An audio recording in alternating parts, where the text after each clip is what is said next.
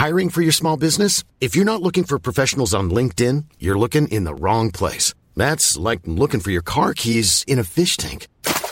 LinkedIn helps you hire professionals you can't find anywhere else, even those who aren't actively searching for a new job but might be open to the perfect role. In a given month, over 70% of LinkedIn users don't even visit other leading job sites. So start looking in the right place. With LinkedIn, you can hire professionals like a professional. Post your free job on linkedin.com slash people today. It's that time of the year. Your vacation is coming up. You can already hear the beach waves, feel the warm breeze, relax, and think about work. You really, really want it all to work out while you're away. Monday.com gives you and the team that peace of mind. When all work is on one platform and everyone's in sync, things just flow wherever you are. Tap the banner to go to Monday.com.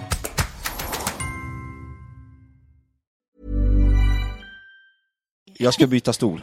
Okej. jag hörde det också, den var knakig jättemycket.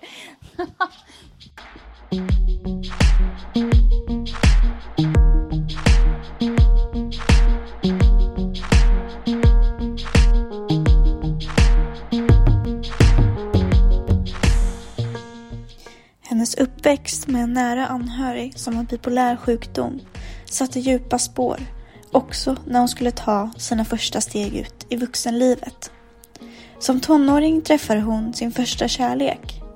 Redan efter en kort tid skulle deras relation dock bli allt annat än kärleksfull. Det här är en berättelse om trauman, läkning och att fortsätta välja livet. Det här är Gs berättelse. Det här avsnittet berör mäns våld mot kvinnor. Lever du också i en våldsam relation?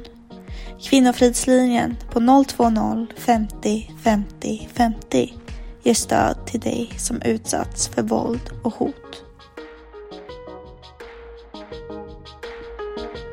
Du lyssnar på Brottsofferpodden avsnitt 39 Ett tortyrliknande förhållande av Joakim Lindén Kastenbäck och producent Ellen Nilses. Hej, nu vill jag hälsa en person vi väljer att kalla dig G till podden. Hej. Tack så jättemycket. Tack Så själv för att jag får vara här, det känns jättekul. Ja, men det är, jag är jättetacksam verkligen. Så här, och, eh, så när, jag, när jag läste vad du skrev så min första tanke är, som jag läser en del sånt där, men jag får så lite halvont i hjärtat, bara shit, synd om henne liksom så här. Eller vad det, det är rättare sagt, vad det har varit synd, att du har varit, varit att du har fått varit med om det där. Det, det är beklagligt liksom. Men nu när jag träffar dig här ute på Söder så, eh, så du, du ler. Så här. Du verkar vara som en person som inte, eh, du verkar vara en person som mår bra idag.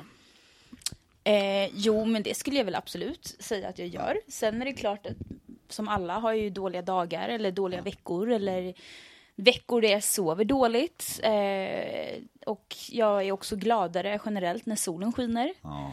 Eh, men generellt så skulle jag väl säga att eh, jag mår ändå ganska bra. Alltså jag har jobbat mycket med liksom läkningsprocess och valt att förlåta, vilket har varit väldigt svårt många gånger. Liksom.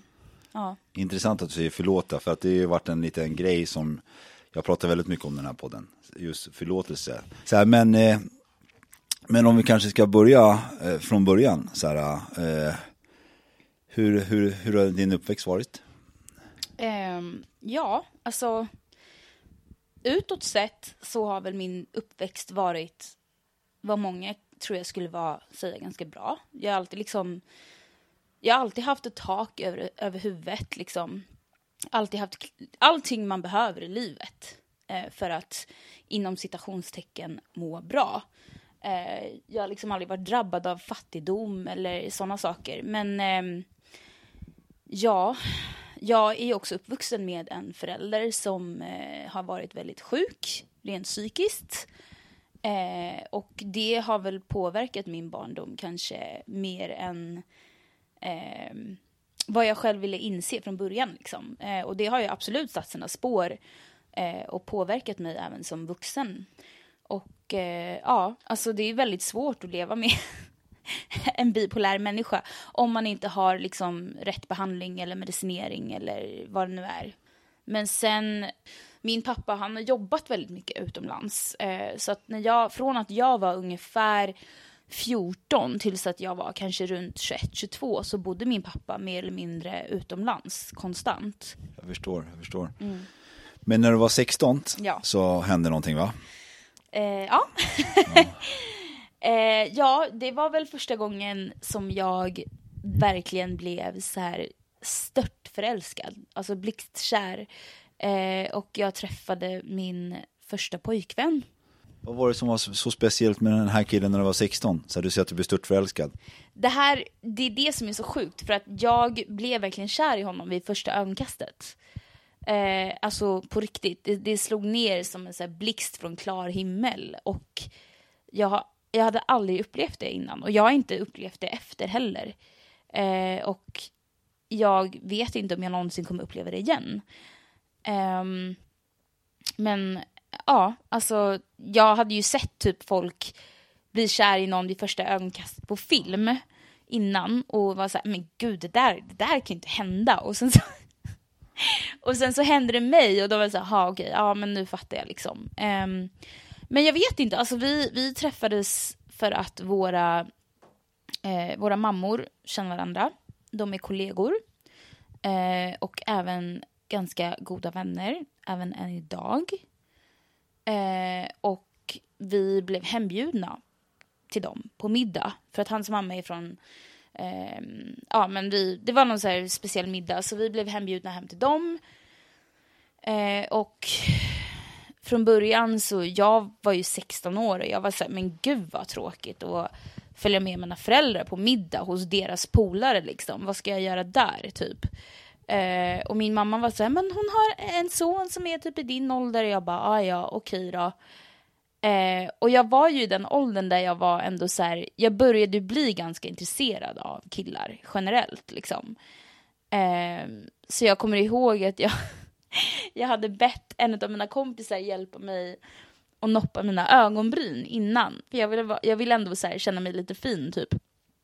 Eh, och sen så, så här, kom vi hem till dem och jag såg honom så här, genom fönstret och då bara poff, slog det ner. Och jag blev störtkär på en gång. Alltså direkt. Eh, och sen så snackade vi så här, typ hela kvällen. Och det kändes som att vi hade känt varandra i flera år, fast det var första gången vi träffades. Uh, och det, det, det, är en ganska så här, konstig känsla liksom. Tror du att han kände likadant? Ja, men det tror jag. För att han sa det sen också, även efteråt. Mm. Märkte din, de andra, dina föräldrar och hans föräldrar, eller märkte de eran? Jag tror att de märkte lite. Um, men jag var ju också i den åldern att så här, du vet, jag var 16 år, jag tyckte det var lite pinsamt att prata med min mamma, eller så här, båda mina föräldrar om killar och känslor och relationer på det sättet liksom. Um, ja. Så att vi försökte nog vara lite diskreta, men jag tror ändå att de kände av att så här, jag tror att de fattade ändå att vi så här, fattade lite tycke för varandra. Men hur snabbt går den här relationen då? Här, du ser att du blir lyxförälskad, ni umgås hela kvällen och pratar och det känns som ni har känt varandra jättelänge. Ja, det här var ju på MSN-tiden, så det var ju länge sedan. Eh, det här är ju 2008 vi pratar om. Eh, så det kanske är vissa som inte ens vet vad MSN var, som lyssnar. Jag vet vad det är. Ja, jo du vet vad det är, men vissa lyssnare kanske inte vet. Eh, nej men så vi liksom sa hej då och jag ångrade mig så mycket efteråt för att jag fick inte hans, jag vågade inte fråga honom om hans telefonnummer. Alltså du vet, jag var blyg, jag var rädd att han skulle typ så här eh, rejecta mig, så jag bara sa fan också. Eh, men sen så blev det på något vänster att han typ skrev upp sitt MSN-användarnamn till sin mamma och hon gav det till min mamma som gav det till mig så jag la till honom på MSN. Och så började vi chatta och vi pratade typ varje dag i kanske två veckor och sen så bytte vi telefonnummer och så började vi smsa och ringa och liksom så här. Så att det gick ändå väldigt, väldigt snabbt. Alltså vi, alltså vi träffades typ i så här slutet på november och typ kanske så här knappt tre veckor senare så var vi i princip ett par. Så att det gick väldigt, väldigt fort. Väldigt fort. Ja. Men hur var han i början då? Han var, han var snäll antar jag, så här, och, och gullig. Ja, det var han ju. Ehm, det var han ju. Vi hade väldigt roligt ihop och vi skrattade mycket och vi så här, ja men du vet, vi gick ut och fikade, vi gick ut på bio, vi gjorde så här typiska grejer som man gör när man är typ tonåring. Eh, det finns ju inte så mycket att göra när man är under 18 liksom. Um, och vi båda gick på gymnasiet, alltså vi hade ju studiebidrag, vi hade inte pengar, vi hade inte råd att liksom gå ut och lyxa till det eller åka på någon liten semester utan ja, det var så här fika och bio typ så här. Och hänga hemma hos varandra liksom. Ja. Men var det, hur, så såg det inte alltid ut va? Var det, märkte du sen efter ett tag att det kanske var någonting som skavde? Nej, alltså inte, inte de första veckorna, men sen så blev det ju ganska hastigt efter att vi blev tillsammans som problemen började uppstå. Vad var det för problem? I början så var det ju väldigt mycket tjafs och bråk. Eh, och jag var väldigt, väldigt osäker. Ehm, jag tror att det var en kombination, liksom dels för att jag var så himla ung. Jag var liksom 16 år. Eh, sjukt naiv, hade ingen koll på världen. Eh, men sen också på grund av hela den här situationen med min pappa. Men jag måste, pratade du med någon? Mamma, kompisar? Eh, jag pratade lite med mina kompisar. Jag berättade inte så mycket vad som hände. Min mamma såg ju att jag mådde dåligt. För att hon hörde oss bråka. Vi bråkade på telefonen, vi bråkade på liksom MSN, vi bråkade när vi sågs. Jag var ledsen mer än vad jag var glad liksom. Jag måste, Eh, vad var de största, mesta bråken handlade om? Minns du det? Alltså jag tror helt ärligt att det var bara osäkerhet. Är typ jag, svartsjuka. jag, nej men jag minns att en grej som jag var väldigt upprörd över var att så här, jag kände att jag inte var inkluderad i hans liv på samma sätt som jag inkluderade honom. Alltså till exempel att så här, ja, vi var ju tillsammans i nästan sex år och jag träffade två utav hans vänner kanske en eller två gånger på sex år. Medan jag inkluderade honom i mitt kompisgäng från gymnasiet. Och han var alltid med oss och vi liksom, ja vi åkte till min kompis landställe och vi så här, du vet vi hade Eurovision-kvällar och liksom så här, och han blev typ vänner med mina vänner också. Men var det som jag, att han döljde någonting tänkte du? Eller då? Ja, alltså jag tror att jag indirekt kände att han kanske inte dö- döljde någonting just då, men att han kanske skämdes över mig. För jag var så, jag träffade ju hans familj, jag träffade hans släktingar, men jag förstod inte varför jag inte fick träffa hans vänner. Konfronterade du med han det? Hade han någon förklaring? eller? Ja, jag, jag, konfront- jag, frå, jag, jag ifrågasatte ju honom liksom hela tiden. Och då sa han, men ja men de är, eh, de är inte som dina vänner och de är inte så sociala och bla bla bla. Jag var så, men vadå, ja, vi kan väl bara ta en fik, eller vad, alltså de kommer ju inte ens hem till dig på din födelsedag liksom. Alltså, och du påstår att det här är dina bästa vänner. Eh, så jag tyckte liksom, ja det var bara konstig situation liksom. Ja, precis. Men hur, hur, blir hur går det vidare för er då? Eh, hur menar du då? Vi kommer ju tillbaka till varandra. Ni kommer tillbaka till varandra. Vi kommer tillbaka till varandra. Har du hunnit börja universitetet där? Eh, jag var väl nog precis i början av universitetet. Så du har börjat småfesta lite, hänga ute? Eh, ja, och sen så faktiskt, vi hade ett långdistansförhållande under nästan ett år, nio månader. Eh, där han faktiskt flyttade till Japan för Oj. att plugga japanska. Han har alltid liksom haft ett intresse för Japan och japansk kultur och liksom eh, och jag fick ju reda på senare då att han hade flyttat till Japan med en annan tjej. Ja, den är ju intressant. Ja, så han var ju otrogen också.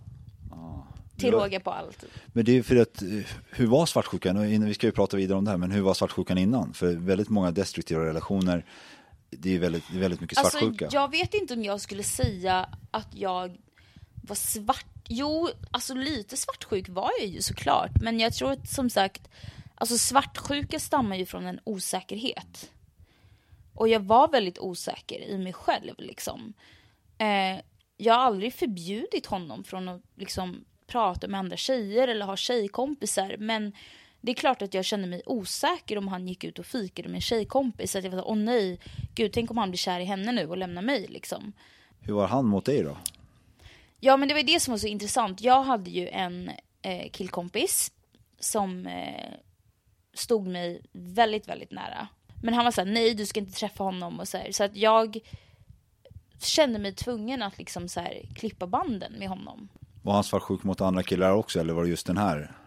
Nej, det var främst mot honom. Men hur, hur eh, han drar till Japan, Mm. gör han, och allt är okej mellan er. Du vet inte om den här eh, tjejen som har flyttat dit? med? Nej, jag visste inte om henne. Eller så här var det. Vi hade ju bråkat väldigt mycket innan. Som vanligt. Och våra föräldrar började ju lägga sig i. Och försökte övertala oss att lämna varandra. För att liksom typ, eh, ja men liksom släcka branden lite, eller vad man ska säga. Så sa vi till våra föräldrar att vi hade gjort slut. Fast vi inte hade gjort slut. För att vi ville inte att de skulle lägga sig i. Vi, liksom, det, blev, det blev som en till grej som vi bråkade om. Att de liksom började lägga sig i. Ehm, så ja. så vi bara, men vi säger att vi har gjort slut fast vi har inte det egentligen. Um, ja. Jag måste också, så här, det låter som jag bara byter spår här, för att jag tror jag har pratat alldeles för lite om det här fysiska. Så här, Du sa att det skulle bli, det bli värre. Så här, men första gången typ han lagade handen på dig, du nämnde spottloska också. Så här. ja. Vad fick du för reaktion här då? Alltså så här. När någon spottar en i ansiktet.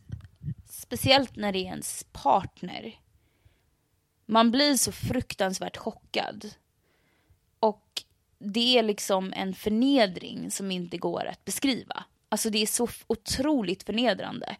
Och han gjorde det offentligt också. Han gjorde det liksom bland folk. Eh, och jag tror att han gjorde det för att han verkligen ville trycka ner mig. Hände det, hände det flera gånger? Ja, ja. Gud ja. Så här, vi stod och typ bråkade när vi eh, stod och väntade på bussen och skulle åka hem till honom. Och då bara spottade han mig i ansiktet liksom. Vad var hans förklaring för, för sånt beteende? Ja du, alltså det är väl som många av de här personerna säger är att de lägger skulden på offret. Det är ditt fel. Du drar fram den här sidan ur mig. Det är du gör mig arg. Du triggar mig. Eh, jag gör det här på grund av dig liksom. Och det är så här, absolut att man kan bli triggad av andra människor. Men man är alltid ansvarig för sina egna handlingar Ja, 100 procent. och hur man reagerar. Så här, jag kan vara arg på en människa, men jag kommer aldrig att liksom... Jag kommer aldrig att slå någon. Jag kommer aldrig att liksom säga elaka ord eller liksom... Absolut att man kan prata om saker och ting och reda ut det, det, det måste man ju göra. Men alltid ändå ha respekt för människor liksom. Ja. Men vad fick, fick du för känsla då? Så här, var det att nu måste jag överge det här? Eller var det som att det destruktiva hade gått så långt som att visst det här är hemskt men det var det är? Ja, alltså det var ju, det är också det som är så svårt. Det är så här, jag kan ju fortfarande ibland få frågor, eller få frågan så här, men varför stannar du så länge? Varför lämnar du inte tidigare? Och det är en fråga som jag har ställt mig själv säkert fem miljoner gånger också. Men jag tror att det många inte förstår är att liksom när man blir så fruktansvärt nedbruten av en människa, att liksom så här, någonstans så inser man väl att det som händer är fel och att man inte förtjänar det och att det är liksom sjukt på alla sätt och vis. Men han sa ju till mig så här, ja ah, men ingen kille kommer någonsin vilja ha dig och ja ah, du är så ful och du är så äcklig och då, och då var det så här, jag var ju livrädd för att vara ensam resten av mitt liv och aldrig få chansen att så här, dela mitt liv med någon eller liksom skaffa barn och det är någonting jag alltid har velat och det var väl just den här förnedringen och nedtryckningen som gjorde att jag stannade. Just för att han bröt ner mig så mycket och manipulerade mig så mycket. Att så här, jag började ursäkta hans beteende. Eh, och jag började liksom gottgöra hans beteende mot mig och till slut så började jag ju tro att det var ju faktiskt mitt fel. Det var ju faktiskt jag som gjorde honom arg. Det var jag som triggade honom till att göra de här sakerna liksom. Eh, och när man inte liksom ser eller inser sitt egna värde, då stannar man. För att man kan inte sjunka lä längre än så liksom. Nej, jag hör dig. Alltså jag känner verkligen mer också. Mm. Verkligen, verkligen. Så att det blir den andras ord och handlingar blir ens verklighet. Så här, och man, man, är, blir inte värd, man blir inte mer värd än, än just Nej. det liksom. Man förtjänar Precis. det på något sätt. Och jag tror att det är det som många inte förstår är liksom den här uh, psykiska nedbrytningen. Att liksom så här, bli så nedbruten av en människa att man inte ens klarar av att lämna. Eller liksom tanken på att lämna finns typ inte. Även fast man vet att man borde göra det. Hade du fått en spottloska efter två veckor i ansiktet vid en busshållplats offentligt så hade du kanske lämnat direkt. Men på grund av att det har varit ett visst beteende. Alltså så här, jag, jag, jag tänker så här. Jag fyller 30 år idag, eller i år menar jag. Hade det hänt nu, ja, jag hade lämnat. Men som 16-åring, eller man är, alltså man är så otroligt naiv. Och liksom, som sagt, det var min första liksom, pojkvän. Alltså, ja men du vet, man är, så här, man är ung, man är naiv, man är liksom ganska skör och så här, det, det är bara en sån allmänt förvirrad tid i livet. Så här. Du vet, i puberteten och man ska lista ut vem man är som människa och vem ens vänner är och det är liksom allt är ett problem i livet. Um, och jag var generellt väldigt otrygg i mig själv. Liksom. Uh, men hade det hänt idag? Nej, jag hade inte stannat. Inte alls jag hade blockat den här människan och bara liksom gått därifrån och bara, men fuck you typ. alltså, ja. så här. jag men jag tror att det tar ganska lång tid att, att komma till den punkten också. I livet. Mother's Day is around the corner. Find the perfect gift for the mom in your life with a stunning piece of jewelry from Blue Nile. From timeless pearls to dazzling gemstones, Blue Nile has something she'll adore. Need it fast? Most items can ship overnight. Plus, enjoy guaranteed free shipping and returns. Don't miss our special Mother's Day deals. Save big on the season's most beautiful trends. For a limited time, get up to 50% off by going to Bluenile.com. That's Bluenile.com. Burrow's Furniture is built for the way you live. From ensuring easy assembly and disassembly to honoring highly requested new colors for their award winning seating, they always have their customers in mind. Their modular seating is made out of durable materials to last and grow with you. And with Burrow, you always get fast, free shipping. Get up to 60% off during Burrow's Memorial Day sale at burrow.com slash ACAST. That's burrow.com slash ACAST. burrow.com slash ACAST. Men jag tänkte, vi måste ju hoppa in på det här, hur du går vidare. Men innan vi gör det så vi har haft lite kontakt innan det här mm. och jag har typ gjort en lite små intervju för att få ja. lite information. så, här, så reagera på en sak du skrev, slash sa. Mm. Det var det här. Eh, mitt ex också försökte pressa mig till sexuella saker mm. jag inte var bekväm med. Typ gruppsex och att filma. Mm. Men jag sa nej, han försökte dock tjata. Mm. Eh, blev han arg kastade han saker slog, och, eller slog i väggen, slet sönder mina kläder och även mycket våld under sex, observera. Mm. Vad känner du och vad tänker och säger du när, när jag läser det här?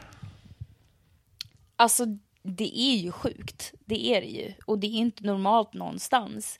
Men som sagt, när jag var i den situationen så... Alltså, jag... Jag tror att jag bara var helt så här... Vad heter det? Nam. Alltså Avdom, avdomnad. Ja. alltså för att, och det är också en överlevnadsinstinkt. Att man, så här, man bara kopplar bort allting som händer. Liksom. Att så här, ähm, och ja, alltså så här, jag skulle aldrig, alltså jag, har, jag, jag kan inte förstå hur man kan vilja ha sex med någon som inte vill ha sex med en själv. Eller som vilja göra saker som den andra personen inte känner sig bekväm med. Ehm, så sex blev ju också ett väldigt stort trauma för mig. I och med det liksom. Att så här, men sen så blev det också ofta att jag kanske gick med på, inte just de sakerna, men gick med på mycket andra saker just för att liksom lätta på det fysiska våldet eller det verbala våldet. Så att jag gjorde ju ändå saker som jag inte ville bara för att han skulle vara nöjd. Ja, jag förstår. Så att din kropp blev ditt eget redskap för att kontrollera hans Ja. eh, fysiska grejer. Exakt. Det, det låter jättehemskt. Så här. Jag minns Ja, du, det du behöver inte berätta exakt hur du känner under de här Nej. eh, akterna. Så här, men så här, efteråt, det, pratade du med honom? Förklarade du hur du kände, hur du mådde? Vad fick dig att känna? Liksom? Alltså jag tror att han märkte för att jag var ju oftast, jag var ju ofta väldigt ledsen efteråt. Alltså det var, eller det var så här, det var liksom, det var en kombination av känslor. Att säga, jag var väldigt ledsen men jag var också väldigt arg och besviken och rädd framför allt. Eh, men att han liksom då försökte dumförklara mig och bara men lägg av, alltså så farligt var det ju inte. Fast det är ju lätt för honom att sitta och säga det för att det är ju han som utsätter mig. Ja, verkligen. Men om jag utsätter honom, då tror inte han att han hade tyckt att det var så jävla kul heller liksom. Det, det är jag helt övertygad om att Ja. han inte hade tyckt. Nej. Så här, det, det är jag verkligen liksom. Ja, jag vet inte vad jag ska säga mer om det där. Jag tycker det är hemskt liksom. Ja. En annan sak som du berättade förut. Att Yes. Han också låst in mig i en garderob och jag fick, fick grov klaustrofobi efter det. Så här, Ja. Mm. Som jag verkligen förstår. Så här, hur, hur gick den grejen till? Ja, men det har ju hänt då, framförallt hemma hos eh, mina föräldrar. För att de bor i ett så här väldigt gammalt hus från 1600-talet. Eh, så garderoben är så här att det är nyckel på utsidan och så kan man låsa. Så det har hänt att han har då liksom tryckt in mig, när vi har bråkat, tryckt in mig i garderoben som är ganska liten och sen låser dörren. Och jag har ju försökt såklart att kämpa emot, men killar är ju oftast fysiskt sett starkare än tjejer. Så han och han tränade ju ganska mycket också. Så han hade ju ganska lätt för att liksom overpower mig, eller mig och trycka in i garderoben och sen låsa. Och jag står där inne och skriker och bankar och sen efter ett tag så öppnar han ju liksom. Men eh, det är ju också en form av tortyr på något sätt. Också, det är ju en tortyr. Ja. Det, det, det, är, det är ju verkligen en, Ja, ja. en jättestor tortyr. Så här. Ja.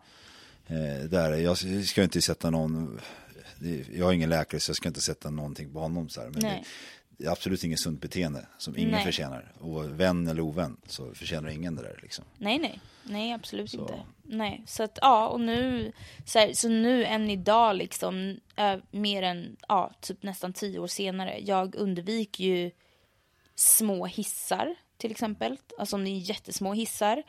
Eh, jag får typ panik om det är så här jättemycket folk på stan. Eller åker tunnelbana under rusningstrafik. Eh, alltså så här, bara ja, men jag har ju fått panikångest av att vara på en nattklubb när det är mycket folk. Liksom. För att jag får den här instängda klaustrofobiska känslan. Liksom. Jag förstår. Ehm, ja. Ja, jag beklagar verkligen liksom. Så här. Mm. Men allt där fick sitt slut också. Du är runt 22 år antar jag. När han eh, kommer hem från sin utlandsresa och ser att ja, eller vi gjorde ju slut efter en... Det var ju liksom, han var ju i Japan i två vändor. Först var det sex månader och sen var det tre månader. Och sen så då åkte han eh, till hans mammas hemland under sommaren och hälsade på släkten där. Och det var efter den resan då som vi liksom gjorde slut. Eh, liksom på riktigt. Eh, Vad var det efter det som fick dig att eh, faktiskt känna att du behövde söka hjälp? För du berättade lite om att du hade gick pratat med PTSD. Så. Mm. Men jag antar att det kom inte först i ledet. Eh, nej, alltså jag... Ja, alltså jag mådde så fruktansvärt dåligt. Alltså jag hade, jag har nog aldrig mått så pass dåligt i hela mitt liv. Jag fick inte det här avslutet. Liksom. Jag hade, det var så mycket frågor som jag hade som jag inte fick svar på. Alltså så här, ja men varför var du otrogen? När började du bli otrogen? Varför liksom eh, misshandlade du mig fysiskt och verbalt och mentalt och psykiskt och liksom Alltså jag, till slut så bara orkar man inte mer. Varför tror du att det är så viktigt att få, få svaret på de frågorna? Nu är det ju inte det längre, men då var det det för att jag tror att det var det som jag kände att jag behövde för att så här, på riktigt kunna gå vidare och så här, verkligen kunna släppa relationen och inte så här, älta. Det är skitjobbigt att älta saker. Det är jättejobbigt att älta. Ja. Det, det är det verkligen. Det, är Det, mycket- alltså det tar så mycket så här, energi eh, psykiskt liksom. Att så här, älta. Man brukar säga att älta, det, att någonting bor i ens hjärna utan att pröjsa hyra. Exakt. Så att eh, det, Exakt. ja, det är ett gift. Ja det är det verkligen. Det är ett gift. Men man kan också välja att ta sig ur det. Och välja att så här, bara bryta och gå vidare. Alltså så här, det är ett val att gå vidare eller inte gå vidare. Men det kan ta tid att nå den punkten och det är skitjobbigt absolut. Men man kan välja att så här, nu skiter jag i det här och så går jag vidare. Men var det, var det det som hände för dig, att du kom till en punkt nu, nu pallar inte jag längre? Så Ja, nu, faktiskt. Ursäkt som vi sa förut, nu är Ja. ursäkterna slut. Men var det då du hoppade på PTS-utredningen eller var det, höll du på med den? Eh, ja, det var nog lite i samma veva faktiskt. Ja. Var det den som sen också blev så här pricket över it med att faktiskt kunna lägga, kanske inte alla minnen såklart och Nej. alla sår och sånt, men lägga my- mycket av det bakom dig? Ja, alltså både ja och nej skulle jag säga. Alltså så här, för mig är så här, läkningsprocessen är nog någonting som aldrig riktigt tar slut. Alltså man läker lite varje dag. Eh, och alla människor läker på olika sätt. Och att så här, för vissa och berätta om sin egen historia det, det är läkande också. Och det är läkande för mig att sitta här och prata om det också. Och det är så här, alltså nu har det gått så pass lång tid men under många år så kunde jag, alltså så här, hade du pratat med mig för fyra, fem år sedan, jag hade inte kunnat sitta här och förmodligen liksom få ut ett enda ord utan att sitta och, och gråta och storgråta liksom. Um, och då inser jag ju själv liksom hur mycket jag faktiskt har eh, jobbat med min egna, egna läkningsprocess. Men det är klart att det fortfarande ibland kan uppstå minnen och flashbacks och jag kan liksom eh, ja men fortfarande ibland eh, om jag befinner mig i, intim, i liksom intima situationer att de här känslorna kan uppstå igen.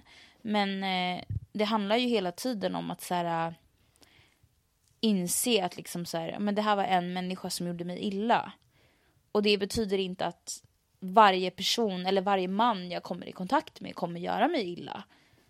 Eh, och det är också någonting som man måste arbeta med konstant. Liksom. Att låta sig tro på att det finns hundra människor som vill en väl. Ja, alltså så här, jag, jag väljer att se det på det sättet. Att så här, det finns jättemånga män som är helt fantastiska. Som är underbara och bra män. Och jag har jättemånga sådana män i mina liv. Alltså killkompisar och liksom allt möjligt. Och jag kommer aldrig att se en anledning till att inte lita på någon om de inte ger mig en anledning till att göra det. Om de, om de inte aktivt liksom gör mig obekväm eller gör någonting mot min vilja eller liksom försöker göra mig illa. Eh, och jag tror att det är nog ett mer sunt sätt att se på saker och ting än att så här, ja men okej, jag har råkat ut för ändå ganska många svin i mitt liv, absolut. Men det betyder ju inte att alla män är sviniga. Jag må, måste också prata eh, ordet brottsoffer. När jag Mm. säger ordet brottsoffer, vad, eh, vad säger du då? Oh, gud, jag, jag blir lite obekväm. Eh, men jag tror också att det är för att jag är väldigt noga med att inte måla upp mig själv som ett offer. Vad är ett offer för dig? Åh gud, vil- vilken svår fråga. Nu vill inte jag trampa någon på tårna, men om jag tänker på mig själv så här, att jag har absolut varit den som har haft offerkofta på mig. Och ett, alltså så här, ett brottsoffer, det är ju liksom någonting, man har ju blivit utsatt för någonting eh, mot ens egen vilja. Sen kan man välja att aktivt vara ett offer eller inte. Och om man aktivt väljer att vara ett offer, alltså för mig är det en person som använder sina upplevelser mot till sin fördel. Alltså kanske till att så här, manipulera andra människor. Att säga, men du måste acceptera att jag beter mig som skit för att jag har blivit utsatt för någonting. Men eh, jag vill snarare liksom bli starkare utav det som jag varit med om. Och så här, sen kan alla liksom må dåligt. Alltså så här, men sen brottsoffer är ju alltid... Oh, Gud. Det är så svårt. Ja, det, är- det är jättesvårt. Det är skitsvårt. Alltså jag vill inte trampa någon på tårna och jag vill inte, jag vill inte förminska någon eller förminska någons eh, upplevelser. Och, men liksom den, ja, alltså så här, min filosofi är att alla människors upplevelser är ehm, berättigade. Alla är berättigade till sina känslor. Och alla har rätt att känna och liksom allas upplevelser är viktiga. Men sen kan man också välja att vara ett offer mentalt eller inte. Ja, alltså jag tycker du, ser, du ser det jätte, jättebra tycker jag. Så här, ja, för att ordet brottsoffer, offer överhuvudtaget, det är som du sa, det är Mm. någon som har blivit utsatt för någonting. Så här. Jag brukar alltid prata om förlåtelse, men det började vi prata om. Ja. Jag tyckte du, du sa, sa det jättefint, och återigen till alla som lyssnar på det här, ingen behöver förlåta någon. Så här. Det är helt, helt upp till er själva. Jag vet bara, för mig så har att förlåta min mamma och förlåta väldigt många i mitt liv har gjort att jag på något sätt känner kärlek för min mamma och på något sätt kan känna kärlek för mig själv. Många gånger. Så för mig är förlåtelse ett väldigt också komplex och, och väldigt stort ord som Ja, kanske betyder massor för precis. vissa och inget för vissa. Precis, och, det, och bara för att man väljer att förlåta så betyder inte det att man ursäktar det den andra personen har gjort. Det betyder inte att man liksom väljer, man, man kanske inte väljer att glömma, men man väljer att liksom, ja men som i mitt fall, att jag valde att förlåta för att det var det som gav mig friheten att så här, kunna gå vidare med mitt liv. Och liksom så här, jag kände att alternativet var att gå runt och vara arg och bitter hela tiden. Och det tär på en jättemycket. Och jag ville inte att det skulle tära på mig längre. Var det något speciellt som hände just där kring förlåtelse? Var det någon som pratade med dig om det eller var det någonting du insåg själv? Eller kom till insikt? Eh, nej, men det var nog någonting som jag insåg själv. Alltså jag började... Jag hamnade på en så här, lite mer av en spirituell väg för kanske runt fem år sedan. Och eh, började liksom jobba aktivt med så här, meditation och saker. Och längs med den vägen någonstans så jag typ vaknade en dag och bara kände så här, fuck it, jag orkar inte vara arg och bitter längre. Så det är skitsvårt att, att förlåta men jag måste göra det för min egna skull liksom. Har du någon, alltså, det här exet, så här, för nu har ni era föräldrar, ni har någon slags koppling fortfarande. Ja. Så här, men händer det att ni korsar varandras vägar? Eh, vi har stött ihop med varandra några gånger, så här, ett par gånger på gymmet och jag har sett honom någon gång på stan. ehm, men jag såg honom senast faktiskt för några år sedan. ehm, och ja, men våra föräldrar har ju fortfarande kontakt liksom. Jag, jag pratar inte med honom överhuvudtaget, nej. Men om det var han som sitter, nu sitter vi ganska nära varandra, så här, om det var han som satt framför dig och eh, han inte får svara dig, om du fick säga vad du ville till han, så här, vi säger tio ord eller något sånt där. Eh, vad, finns det något speciellt du skulle vilja få sagt? Eller finns det någonting du skulle vilja att han svarade på? För nu har du sagt frågor förut, så här, varför, varför, varför? Ja, alltså. Det där är en ganska intressant fråga för att jag har så här funderat lite på senare tid så här, hur jag skulle reagera om han skulle typ kontakta mig idag och säga så här. Eh, jag vill liksom ge dig ett avslut. Så här, jag vill svara på dina frågor. Eh, eller typ be om ursäkt eller vad som helst. Eh, nu är inte det någonting som jag känner att jag behöver för mitt egna välmående. Men jag hade nog ändå velat träffa honom bara av så här, ren nyfikenhet och höra så här, vad har du att säga? Eh, sen kan jag absolut säga om han skulle ge mig svar. Ja, det kanske sku- jag kanske skulle vara lite lättad och bara, okej. Ja, okej, nu fick jag svar på det. Fast å ena sidan är jag så här, fast jag vet inte om jag kan lita på det heller, för att han ljög ju så mycket för mig också. Så det är också det, du vet det är så svårt att veta. Men eh, jag tror bara så här, kanske bara mer av så här, ren nyfikenhet än någonting annat liksom. Att så här, eh, varför? Varför gjorde du de här sakerna? Ångrar du dig liksom? Jag tror inte han ångrar sig, men ja. Jag förstår, jag hade nog velat samma sak verkligen. Mm. Men om vi bara, en väldigt snabb avslutning här så en uppväxt som kanske var fin men ändå lite trasig. En väldigt, väldigt lång destruktiv relation. Ett mm. väldigt långt destruktivt beteende efteråt. Mm. Så här, och eh, har arbetat med det så sitter du ändå framför mig. Och du ser väldigt positivt glad ut. Mm. Eh, och eh, så här, så du ett litet bevis på att för de som faktiskt är i eller precis varit i mm. det finns ett liv efter. Liksom. Man kan ja, sitta och le. Det, det finns ett liv efter. Eh, man måste bara välja livet efter. Och det är skitsvårt. Det, det är det. Det är skitjobbigt. Och det är, det är jättejobbigt att möta sina egna demoner. Men man kommer ut på andra sidan och man blir starkare och man mår bra. Liksom. Man mår bättre och man lär sig att älska sig själv. Det gör man verkligen. Um, och man lär sig att inse sitt egna värde. Liksom. Um, och det är absolut att så här, gå i terapi för det som jag har gått igenom. Det, det har varit skitjobbigt. Det har det. Det har varit jättetufft. Men jag lever ett betydligt bättre liv idag på grund av det än vad jag hade gjort om jag inte hade gjort det. Och hade liksom valt, inom citationstecken, valt att stanna kvar i det här destruktiva. Ja, jag hör det. Alltså jag fastnar också så här, att välja livet. Jag tyckte det var fint. Så här, ja. Att välja livet. Så här, ja. var... Oavsett hur skit livet är så kommer jag alltid välja livet. Coolt. Jag tycker att vi avslutar där, verkligen. Ja. Tack så jättemycket för din medverkan. Tack själv.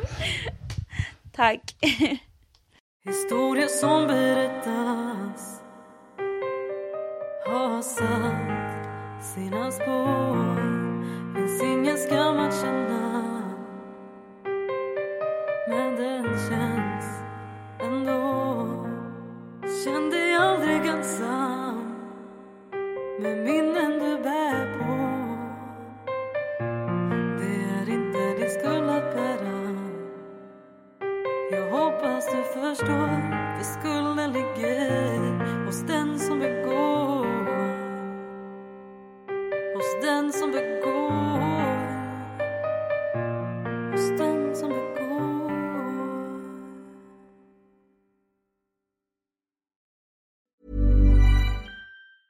Planning for your next trip?